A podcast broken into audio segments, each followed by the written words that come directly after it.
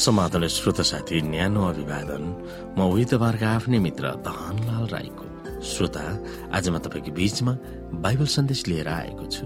आजको बाइबल सन्देशको शीर्षक रहेको छ अहिले परमेश्वरबाट पाएको मुक्ति।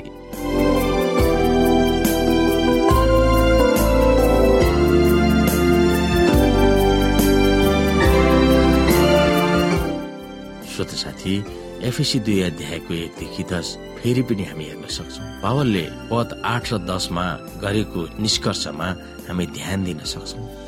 यस अंशको समाप्तिमा पावलले के उल्लेखनीय बुधाहरू औल्याउँछन् हामी यहाँ विचार गरेर हेर्न सक्छौँ। तिमीहरू आफ्ना अपराध र पापहरूद्वारा मरेका बेलामा उहाँले तिमीहरूलाई जीवित पार्नुभयो। यिनैमा यस संसारको रीति अनुसार र आकाशको शक्तिको मालिक अनुसार अनाज्ञाकारिताका सन्तानमा अहिले काम गर्ने आत्मा अनुसार तिमीहरू अघि एकपल्ट चल्दै थियो। तिनी मध्ये हामी सबै पनि शरीर र मनका इच्छा पूरा गरेर आफ्नो पापमय स्वभावका लालसामा अघि जिउँथ्यौँ र बाँकी मानिस जस्तै हामी स्वभावले क्रोधका सन्तान थियौँ। तर परमेश्वर जो कृपामा धनी हुनुहुन्छ उहाँले आफ्नो महान प्रेमद्वारा हामीलाई प्रेम गर्नुभयो। यसकारण पापमा हामी मरेका भए तापनि उहाँले हामीलाई ख्रिससँगै जीवित पार्नुभयो। अनुग्रहबाट नै तिमीहरूले उद्धार पाएका छौ र उहाँसँग हामीलाई उठाउनु भयो अनि स्वर्गीय स्थानहरूमा यसु ख्रिससँग बसाल्नुभयो। यो चाहिँ ख्रिस यसुमा हामीप्रति उहाँको दयामा आफ्नो अनुग्रहको असीम सम्पत्ति आउँदा युगहरूमा देखाउनलाई हो। किनभने अनुग्रहबाट विश्वासद्वारा तिमीहरूले उद्धार पाएका छौ र यो तिमीहरू आफैबाट होइन यो त परमेश्वरको वरदान हो। कर्महरूद्वारा होइन नत्र त मानिसले घमण्ड गर्नेछ। किनकि हामी असल कामहरूका निम्ति ख्रिस यसुमा सृजना गरिएका उहाँका हातका सिप हौ। हामी ती बमोजिम हिँडौँ भन्ने हेतुले परमेश्वरले पहिलेबाटै ती तयार पार्नु भएको थियो।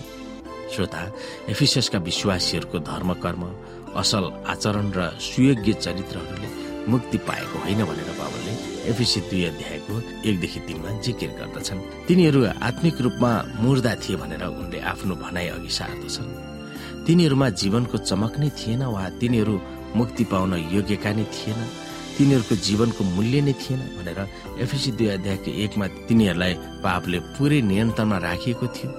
तिनीहरू मुक्ति पाउन वा अर्थपूर्ण जीवन बिताउन व्यक्तिगत रूपमा अघि सरेको देखाइएको थिएन। तिनीहरू शैतानको चक्करमा थिए र आफ्नै कामुक वासनाहरू र मानसिक जालमा फसिरहेका थिए। तिनीहरूलाई थाहा नभए तापनि वा तिनीहरूले महसुस नगरे तापनि तिनीहरूको जीवन अत्यन्तै तल्लो स्तरमा थिए तिनीहरूमा कुनै आत्मिक जीवन वा गुणहरू थिएन। मानव तिनीहरू पशु सर थिए। मानिसहरूसँग रहन सहन गरे तापनि बाहिरी रूपमा सबै ठिक ठिक देखिए तापनि तिनीहरू सत्य परमेश्वरका शत्रुहरू थिए र तिनीहरूको भविष्य परमेश्वरको न्यायको दिनतिर अघि बढिरहेको थियो। संसारमा भएका परमेश्वरलाई नचिन्ने अरू मानिसहरू झै तिनीहरू क्रोधका सन्तान भएका थिए। अर्थात् परमेश्वरको रिस तिनीहरूमा थियो। तिनीहरू आफ्नै गुणहरूका जराहरूमा गाभिए गाभिनेको सट्टा परमेश्वरको व्याख्या गर्न नसकिने प्रेममा मुक्ति गाडिएको थियो। त्यो प्रेमलाई कुनै पनि दामी थोकले व्याख्या गर्न सकिँदैन। परमेश्वरले दया र प्रेमले गर्दा तिनीहरूका निम्ति यसो ख्रिस्टमा आनन्द हुने काम परमेश्वरले गर्नुभएको थियो। तिनीहरूका आध्यात्मिक वा आत्मिक मृत्युबाट उहाँले बिउताउनु भएको थियो। परमेश्वरको हस्तक्षेपले गर्दा तिनीहरू अचम्म तरिकाले यसुकै गतिमा हिँड्ने अनुभव पाइरहेका छन्। तिनीहरूलाई आत्मिक मृत्युको गति छाडा जीवन शैतानको पेलिने दासत्वबाट पुनरुत्थान गरेर स्वर्गीय स्थानहरूमा बसालिँदै यसुसँग जगतको सिंहासनमा बस्ने अवसर दिएको छ। एफिसी दुई अध्यायको पाँच र छमा यो वज्र जस्तो परमेश्वरको हस्तक्षेप थियो तर त्यो क्षणभरको काम थिएन। परमेश्वरले ख्रिस्टमा भएको उहाँका अनुग्रहको प्रदर्शन सारा अनन्तसम्म गर्ने भएकोले भक्तहरूलाई उपलब्ध गराएको अवसरमा जारी हुने वास्तविक शक्ति र अनन्तसम्म भइरहन्छ भनेर यहाँ लेख्दछन्। एफिसी दुई अध्यायको साथमा यसै गरी एफिसी दुई अध्यायको एकदेखि दसको निष्कर्षमा पद आठ र दसमा पावलले फेरि त्यही आधारलाई दोहोऱ्याउँछ उनले भन्न खोजेको विषयवस्तु विश्वासीहरूको दिमागमा दिमागमा ग्याबियोस् भन्ने उनको चाहना थियो। उनले जिकिर गरेको तर्क यो थियो कि विश्वासीहरूले पाउने मुक्ति परमेश्वरको काम हो र मानिसको कुनै कामले त्यसलाई थप्न सकिँदैन। मेरो परिश्रम अथक प्रयास त्याग तपस्याले परमेश्वरको निगाह पाएको हो भन्ने फाइफुट्टी गर्ने अवसर कसैलाई दिएको छैन।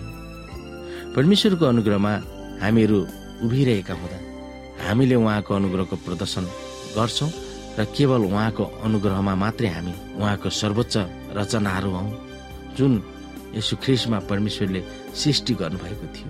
हाम्रो मुक्ति परमेश्वरमा मात्र हो र हाम्रो कुनै पनि प्रयास र योग्यताले प्राप्त हुने होइन भनेर बुझ्नु हामीले एकदमै महत्वपूर्ण छ।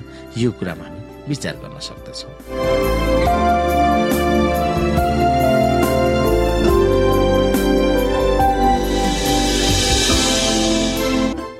श्रोता साथी आजको लागि बाइबल सन्देश यति नै।